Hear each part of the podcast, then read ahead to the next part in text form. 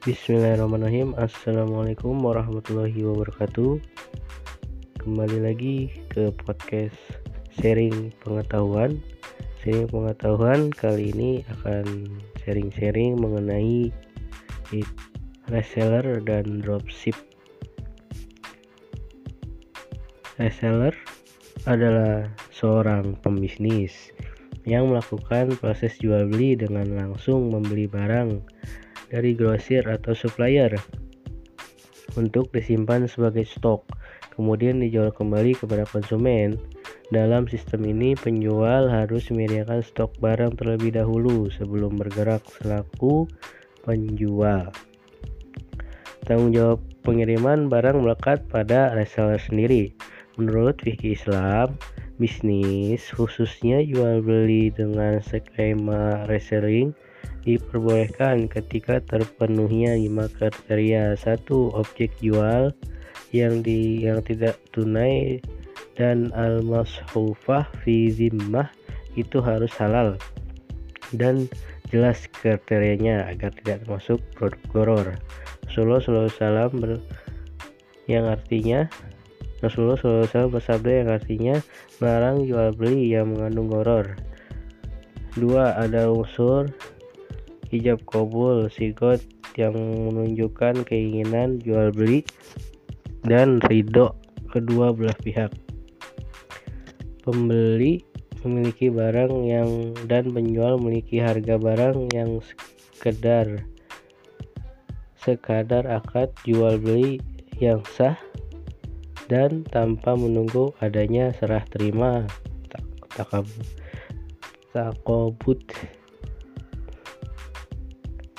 Fatwa Dewan Syariah Nasional MUI serta standar syariah internasional AIV memperbolehkan serah terima barang secara non fisik al-qabdu al-hukmi dan yang menjadi standar adalah terjadinya perpindahan kepemilikan. Tiga adanya akad pada transaksi reselling.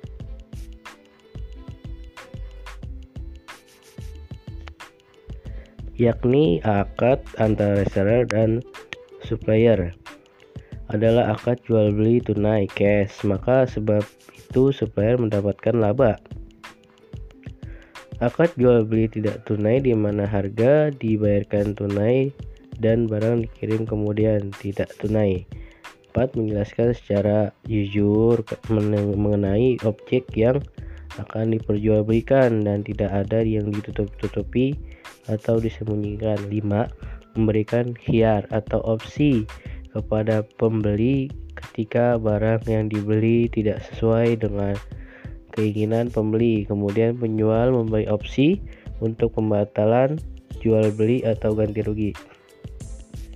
Dropship, dropship atau bisa disebut juga sebagai dropshipping adalah sebuah cara berbisnis di mana pengecer barang atau retailer tidak harus memiliki stok barang. Retailer yang menjalankan bisnis dengan cara ini disebut dengan seorang dropshipper. Dropshipper hanya mempromosikan barang. Jika ada konsumen yang akan membeli barang, dropshipper akan memesan kembali kepada supplier dan barang yang dikirim dari supplier kepada konsumen dengan mencantumkan nama dropshipper itu sendiri sebagai pengirim. Ilustrasi singkatnya, pembeli memesan barang kepada dropship dengan kriteria yang diinginkan, lalu dropship menunjukkan pesanan kembali kepada supplier atau agen setelah itu, agen atau supplier mengirim barang langsung kepada pembeli dengan atas nama dropship tersebut. Jual beli dropship itu diperkenankan dalam Islam apabila menggunakan akad tijaroh.